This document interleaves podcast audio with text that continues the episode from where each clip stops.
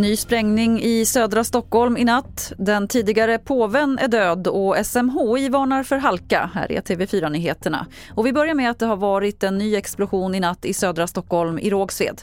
Det var en kraftig detonation som hördes i stora delar av södra Stockholm. På adressen i Rågsved är en man skriven som dömdes för inblandning i Vårbynätverkets rån och kidnappning av rapartisten Nils Grönlund, Einar, våren 2020.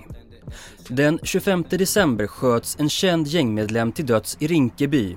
Han har figurerat i utredningen kring mordet på Einar. Sedan dess har det under mellandagarna inträffat fyra sprängdåd och ytterligare en skjutning runt om i Stockholm.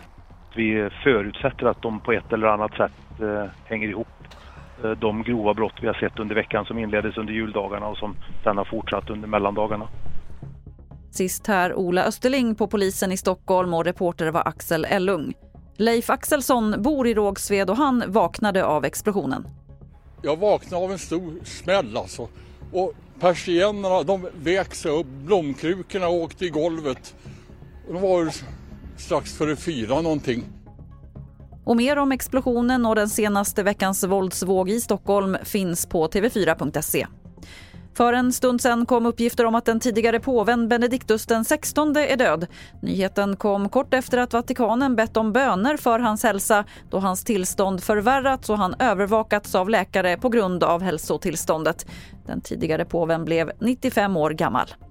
Till sist kan vi berätta att SMHI har utfärdat en gul varning för plötslig ishalka.